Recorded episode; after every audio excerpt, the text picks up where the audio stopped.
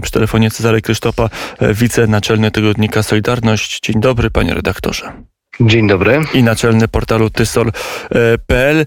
To co, dzisiejszy czy, czy upływający tydzień w polityce pod znakiem decyzji Platformy Obywatelskiej, która e, trochę myślała, ale, ale się zdecydowała, żeby iść na lewo, że, mm, że jednak e, trzeba liberalizować aborcję. Jakie to będzie miało konsekwencje? To jest też taka istotna informacja, która będzie skutkować e, przetasowaniami czy przegrupowaniem na polskiej scenie politycznej. To znaczy, ja myślę, że to przetasowanie już się odbywa, bo pojawienie się na tej scenie ruchu Szymona Hołowni, który no, z jednej strony jest może efektem takiej inżynierii politycznej bardzo podobnym do, do wcześniejszych efektów, czy tam począwszy od Donalda Tuska, poprzez gdzieś tam e, e, Palikota e, i Ryszarda Petru, a skończywszy na, na Szymonie Hołowni. Jednakowoż widać, że pewne symptomy tego, że e, no, jakoś tam sobie na tej scenie politycznej e, radzi, e, również dostajemy i to trzeba brać pod uwagę. W związku z czym pojawienie się ruchu Szymona Hołowni, o którym mówi się w kuluarach, że ma mocne poparcie Donalda Tuska, który no, tutaj wydaje mi się, że Platforma Obywatelska ma prawo czuć się nieco zdradzona przez swojego, mówiąc w dużym cudzysłowie, ojca chrzestnego. E, no na pewno powoduje to przetasowanie, a to, że dzisiaj Platforma e, tak jednoznacznie opowiada się po takiej mocno e, progresywnej, jak to się mówi, lewicowej stronie sceny politycznej, no jest taką konsekwencją tego, w ten sposób wysyła sygnał, że oto my jesteśmy prawdziwymi obrońcami, znowu mówiąc w cudzysłowie, wartości progresywnych i lewicowych. Czy taki ruch zaskutkuje jakąś obroną przed y, podgryzaniem przez ruch Szymona Hołowni, to pewnie się okaże. E, tylko teraz e, Szymon Hołownia może się ulokować w centrum. E, gościem popołudnia wnet po godzinie 16 była Hanna Gil-Piątek, świeżo upieczona szefowa koła parlamentarnego tego ruchu w Sejmie. No i jak na razie Szymon Hołownia przyjął pozycję wyczekującą. Do wyborów trzeba wrócić do kompromisu. To jest ciekawe, że Szymon Hołownia, który dobrał sobie parlamentarzystów z lewicy i z osób bardziej liberalnych w Platformie teraz okrąża, czy będzie chciał okrążać przynajmniej e, pod względem ideowym Platformę od prawej strony. No tak, Szymon Hołownia właśnie w tym sensie również jest reprezentantem e, tej, e, takiego, jakby to powiedzieć, segmentu, który jest efektem pewnej takiej inżynierii politycznej, dlatego, że reprezentuje ruch taki wszystkoistyczny. Znaczy Szymon Hołownia z jednej strony chciałby wyglądać na takiego kaznodzieję, nie, niemalże księdza, a z drugiej strony strony chciałby być lewackim aktywistą. I obydwie, e, obydwie strony jakby usiłuje z, zagospodarować. Natomiast jego realne ruchy polityczne, tak jak pan redaktor e, zauważył, no wyraźnie wskazują na e, mocno lewicowe, żeby nie powiedzieć radykalnie lewicowe, że chęć za, zagospodarowania radykalnie lewicowego skrzydła sceny politycznej. Oczywiście Szymon Hołownia, jeżeli ma dalej idące ambicje i chce stworzyć coś w rodzaju platformy BIS, przepraszam najmocniej, na co wskazują również e, transfery z samej Platformy Obywatelskiej, no to musi stworzyć pewne spektrum. No jeżeli e, dopieścił w swoim ruchu, że tak powiem, nogę skrajnie lewicową, no to wypadałoby, jeżeli chciałby obchodzić e, Platformę, mówiąc znowu w cudzysłowie, z prawej strony, no to jakoś tą prawą, prawą nogę dopieścić. W jaki sposób, jakim ruchem, tego nie wie nikt, aczkolwiek niektórzy plotkują o być może jakimś transferze z, z porozumienia któregoś z, ze zdenerwowanych e, zamieszaniem e, i skonfliktowanych z innymi e, kolegami polityka. Ale czy to jest realne, czy to tylko plotki, to prawdopodobnie się okaże. No, zapowiedzi były takie, że tak się ma stać w przyszłym tygodniu. Zobaczymy. To jeszcze jeden ruch, na ile jest spodziewany i na ile pan redaktor się spodziewa, że jednak dojdzie do rozłamów Platformie. Czy słyszymy pomruki niezadowolenia e, konserwatystów, czy resztek konserwatystów, którzy się w Platformie zostali? Na ile to jest taki ruch, który może albo osłabić Platformę, a z strony wzmocnić Szymona Hołownię lub Polskie Stronnictwo Ludowe, bo ci posłowie, którzy w poprzedniej kadencji także na kanwie, także na kanwie sporu o, o aborcję z, byli wypchnięci z Platformy, jak Marek Biernacki, to oni wylądowali e, w Polskim Stronnictwie Ludowym. No tak, Polskie Stronnictwo Ludowe ma taką umiejętność przytulenia każdego, kto nie mieści się gdzie indziej, natomiast e, nie tworzy to i nie buduje na dłuższą metę e, wizerunku Polskiego Stronnictwa Ludowego jako jakiejś spójnej formacji, tylko mamy wrażenie raczej nieustannej takiej fluktuacji. Z, jednej strony no, gdzieś tam jakieś tęczowe konotacje w ramach koalicji europejskiej, a z drugiej strony koalicja polska z Pawłem Kukizem. A takich elementów y, przemian i przeobrażeń Polskiego Stronnictwa Ludowego mieliśmy okazję obserwować już, y, już wiele i chyba nie, nie wyglądają jakoś szczególnie wiarygodnie, aczkolwiek mam wrażenie, że jeżeli się pojawią jacyś posłowie, którzy będą się mogli do Polskiego Stronnictwa Ludowego, jak to się mówi kolokwialnie, przytulić, to zapewne Polskie Stronnictwo Ludowe przytuli przytuli je do swojej szerokiej ludowej piersi, no, ludowej też mówiąc prawdopodobnie w cudzysłowie. E, w każdym razie niewątpliwie jesteśmy w takim momencie, który e, wytwarza jakiś taki chaos po e, lewicowo-liberalnej stronie sceny politycznej, z którym mogą się różne rzeczy urodzić i niewątpliwie jest tak, że taki radykalny dosyć ruch Platformy Obywatelskiej może spowodować odpadnięcie resztek takiego skrzydła znowu w cudzysłowie, konserwatywnego e, i może się, że tak powiem, przyczynić do powstania jakiegoś e, środka ciężkości, którego dzisiaj być może nawet jeszcze nie widzimy. Natomiast e, niewątpliwie jest tak, że ruch Szymona Hołowni jest w, w ofensywie, a Platforma Obywatelska usiłuje wykonać jakiekolwiek ruchy, żeby przetrwać. Natomiast też trzeba y, zauważyć, że y, część z, y, część z tych obrażonych na Szymona Hołownię, jego aktywistów, którzy budowali mu ten ruch od, od zera, a mus, muszą się dzisiaj borykać, że tak powiem, z nalotem spadochroniarzy z Platformy Obywatelskiej, przeszło, czy, czy miało zamiar przejść, bo w sumie nie stwierdziłem, czy ostatecznie to się stało, ale w każdym razie mówiono, mówiono o tym, że, że ma przejść do Platformy, no a dzisiaj znowuż Platforma chwali chwali się pozyskaniem jednej z bezpartyjnych e, posłanek, więc e, no, nie zasypuje gruszek e, w popiele i na pewno wykonuje różnego rodzaju ruchy, które pozwolą jej być może przetrwać. No, kto wie, być może w przyszłości bez resztek skrzydła konserwatywnego. No I zobaczymy, jaki ten ruch przyniesie korzyść Platformie. Czy e, Platforma cokolwiek zyska na tym, że e, poszła w stronę bardziej liberalną czy lewicową? Zresztą politycy bardziej konserwatywni mówią, że w tej chwili pod względem aborcja to jest jednak kwestia, która niesłychanie, jak się okazuje, Polaków interesuje i elektryzuje debatę publiczną i, i chyba przez całą historię III Rzeczpospolitej była to jedna z kwestii, która e, konstytuowała, czy partia jest bardziej lewicowa, czy prawicowa. To był jeden z tych wyznaczników. Otwiera się przestrzeń, czy być może jest tak, że polskie społeczeństwo tak szybko zmienia swoje wartości, że e, Platforma dzięki tej zmianie znowu stanie w centrum, tylko to centrum już jest znacznie bardziej na lewo niż jeszcze parę miesięcy temu. Zapewne pan redaktor odwołuje się do tego badania Cebosu, które miało pokazać e, taki lewicowy kierunek, w jakim zmierza polska młodzież. I to jest prawda, aczkolwiek częściowa.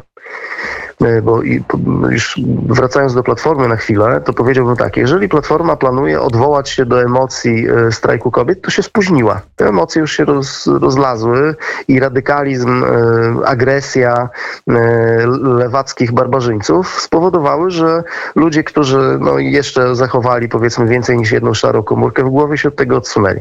Natomiast jeżeli się odwołuje rzeczywiście do, do tego, co pokazuje badanie Cebosu, to też warto pamiętać o jednej rzeczy. O Oczywiście jest tam tak, że to badanie wskazało, że młodzież odwołuje się częściej do, do postaw lewicowych, ale pokazuje jednocześnie, że Polacy jako całość również częściej odwołują się do postaw prawicowych, czyli de facto i zresztą w, w segmencie młodzieżowym to trochę podobnie wygląda, że to nie tylko młodzież się odwołuje częściej do postaw lewicowych, ale również do prawicowych.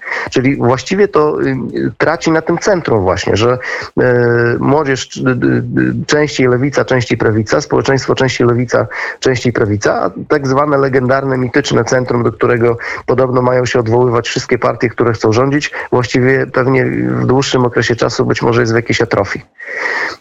I tutaj ten, to założenie teoretycznie, jeżeli ma takie platforma, to może mieć sens, a oprócz tego, że no, po tej lewej stronie jednak robi się trochę ciasno. I pytanie, czy nawet bardziej trwałe, czy chwilowe, trudno powiedzieć, skrę y, skręcenie w lewo polskiej młodzieży. Wystarczy, żeby zapewnić y, wyborców tylu ciałom politycznym, które się po lewej stronie tworzą i konstruują, czy też raczej doprowadzi to do jakiegoś, do jakichś wewnętrznych starć, które mogą spowodować efekt taki podobny trochę do starcia między Platformą i Nowoczesną, kiedy to podczas gdy Platforma i Nowoczesna kłóciły się, kłóciły się, może za dużo powiedziane, powiedzmy, walczyły o elektorat, e, Prawo i Sprawiedliwość e, zgarniało swoje. Dobrze, Prawo i Sprawiedliwość zgarniało swoje. Jak na razie Prawo i Sprawiedliwość właśnie zakończyło się spotkanie. No, kilka, dwie godziny temu się zakończyło spotkanie w Prawie i Sprawiedliwości na szczytach władzy Prezydium Komitetu Politycznego, czyli słynne PKP w PiSie się zakończyło i dyskusja na tym, jak wygląda społeczność koalicji rządzącej, co zrobić z porozumieniem, co zrobić z Solidarną Polską, więc mm, Prawo i Sprawiedliwość może nie mieć siły, aby gdziekolwiek maszerować, bo e, cały czas musi walczyć ze swoimi koalicjantami. Oczywiście, no Prawo i Sprawiedliwość y, y, sprawia wrażenie trochę jakby utraciło wizję.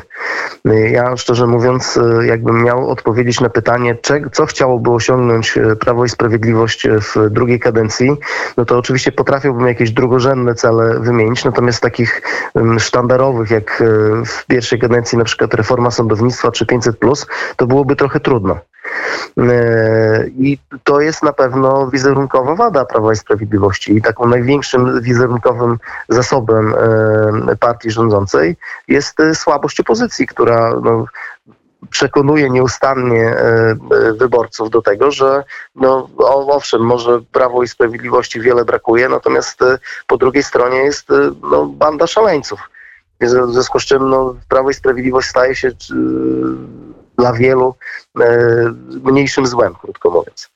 E, natomiast rzeczywiście e, wydaje mi się, że to nie jest okres, który może trwać wiecznie i prędzej czy później po lewicowo-liberalnej stronie pojawi się jakaś oferta, która może się wyborcom wydać atrakcyjna. I Prawo i Sprawiedliwość, jeżeli nie będzie do tej pory miało takiej wizji, którą byłoby w stanie sprzedać większości wyborców, może mieć poważny kłopot. I to jest kłopot do rozwiązania. Jak się na dłuższą metę ten konflikt rozwiąże? Czy mm, pan też wyobraża sobie, że mm, jeszcze w tej kadencji Prawo i Sprawiedliwość zyska siłę, że chociażby ten nowy ład, o którym mm, dużo się mówi, to będzie taki impuls, który pozwoli e, Prawo i Sprawiedliwości wyjść z pewnej defensywy? No, na pewno y, musi dojść do ładu z, z koalicjantami. Tutaj y, myślę, że większym problemem y, jest porozumienie, dlatego że porozumienie jest w fazie kompletnej destrukcji i co gorsza, różne jego części obrażone na siebie usiłują wypchnąć w ogóle ze stany te części, że tak powiem, z którymi są skonfliktowane, a efekt może być tego taki, biorąc pod uwagę no, taką wątłą większość koalicji rządzącej w, w parlamencie, w Sejmie, y, no, może mieć poważne konsekwencje. Aczkolwiek wydaje mi się, że mm, y, no, takie zagrożenie utraty władzy powinno zdyscyplinować tych, którzy mają zakusy na to, żeby nie wiem, jak żeby za dużo nie powiedzieć, ale powiedzmy pozbyć się kolegów również kosztem stabilności koalicji i pewnie gdzieś to zostanie posklejane.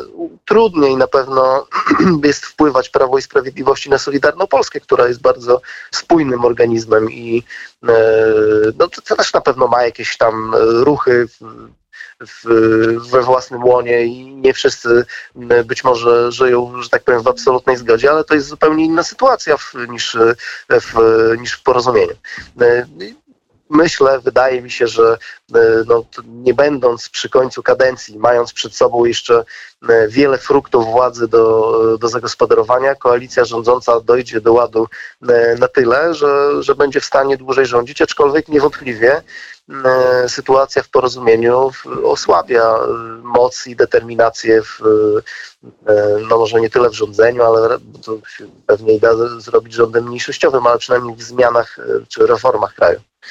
Pytanie, jak długo da się tak rządzić? To jest pytanie, które ja ostatnio często zadaję, bo rzeczywiście Prawo i Sprawiedliwość, kiedy tylko podejmuje temat trudniejszy, czy bardziej kontrowersyjny, nie, nie, nie, nie twierdzę, że słuszny, ale a to poatek od mediów i od gigantów cyfrowych, a to politykę energetyczną, czy kwestie podpisania umowy o budżet z Unią Europejską, wszystkie te sprawy trudniejsze od razu napotkają na opór jednego albo drugiego koalicjanta, no to pokazuje, że w zasadzie PiSowi pozostaje już tylko w tej formule i, i przy tej, takiej rozbieżności czasami poglądów tylko e, proste administrowanie. No, być może miałoby na to ochotę, ale niektórych e, z tych trudnych decyzji nie da się nie podejmować. E, ja chciałbym zauważyć i tylko jeszcze zwrócić uwagę, że w, również w wielu kwestiach, na przykład Solidarnością, ogromnym, e, ogromną organizacją społeczną, e, koalicja rządząca pozostaje w pewnym sporze. A ma te jeszcze spory wewnętrzne, które są no, generowane, nie wiem, czy jakimiś koniecznościami, czy słabościami. Trudno mi powiedzieć, czy ten tak zwany sukces z Brukseli, który spowodował to, żeśmy się zgodzili de facto na mechanizm uzależnienia wypłat finansów e, czy pieniędzy europejskich od tak zwanej praworządności jest czymś e, mm, pustym i, że tak powiem, bezzębnym, czy też jest poważnym zagrożeniem. I rację ma tutaj Zbigniew Ziobro czy Patryk Jaki, zwraca, zwracając uwagę na to, że no, to jest jednak smycz czy łańcuch, na, której, na, na których mogą nas elity brukselskie od tej pory prowadzać, więc to są bardzo poważne rzeczy obiektywnie, rzecz biorąc, nie tylko z punktu widzenia e, słabości koalicji. Mi e, podoba się to komu czy nie, to jesteśmy na takim etapie, na którym słaba czy silna koalicja musi sobie z tymi problemami dać radę i znajdować odpowiedzi, e, które być może również powodują tarcia wewnątrz koalicji. No i te tarcia trzeba będzie kiedyś rozwiązać. Ostatnie pytanie, czy ta koalicja przetrwa do końca kadencji? Jak pan prorokuje, panie redaktorze? To już y, szklaną kulę trzeba byłoby mieć, natomiast jeżeli by pan redaktor bardzo mnie zmuszał, to bym odpowiedział, że y, raczej wydaje mi się, że y, sytuacja, przecież nie, nie mamy końca kadencji, jesteśmy gdzieś tam w trakcie i to raczej w pierwszej części. No to sytuacja, w której e, można jeszcze jakieś frukty władzy, że tak powiem, e, spożyć e, przez jakiś czas, spożywać przez jakiś czas, spowoduje, że no panowie przysiądą fałdów i nawet jeżeli się bardzo nie lubią, to większość w Sejmie utrzymają. Mm, I to jest wróżba i przewidywanie redaktora Cezarego Krysztopy, redaktora naczelnego portalu tysol.pl i wicenaczelnego Tygodnika Solidarność. Dziękuję bardzo za rozmowę.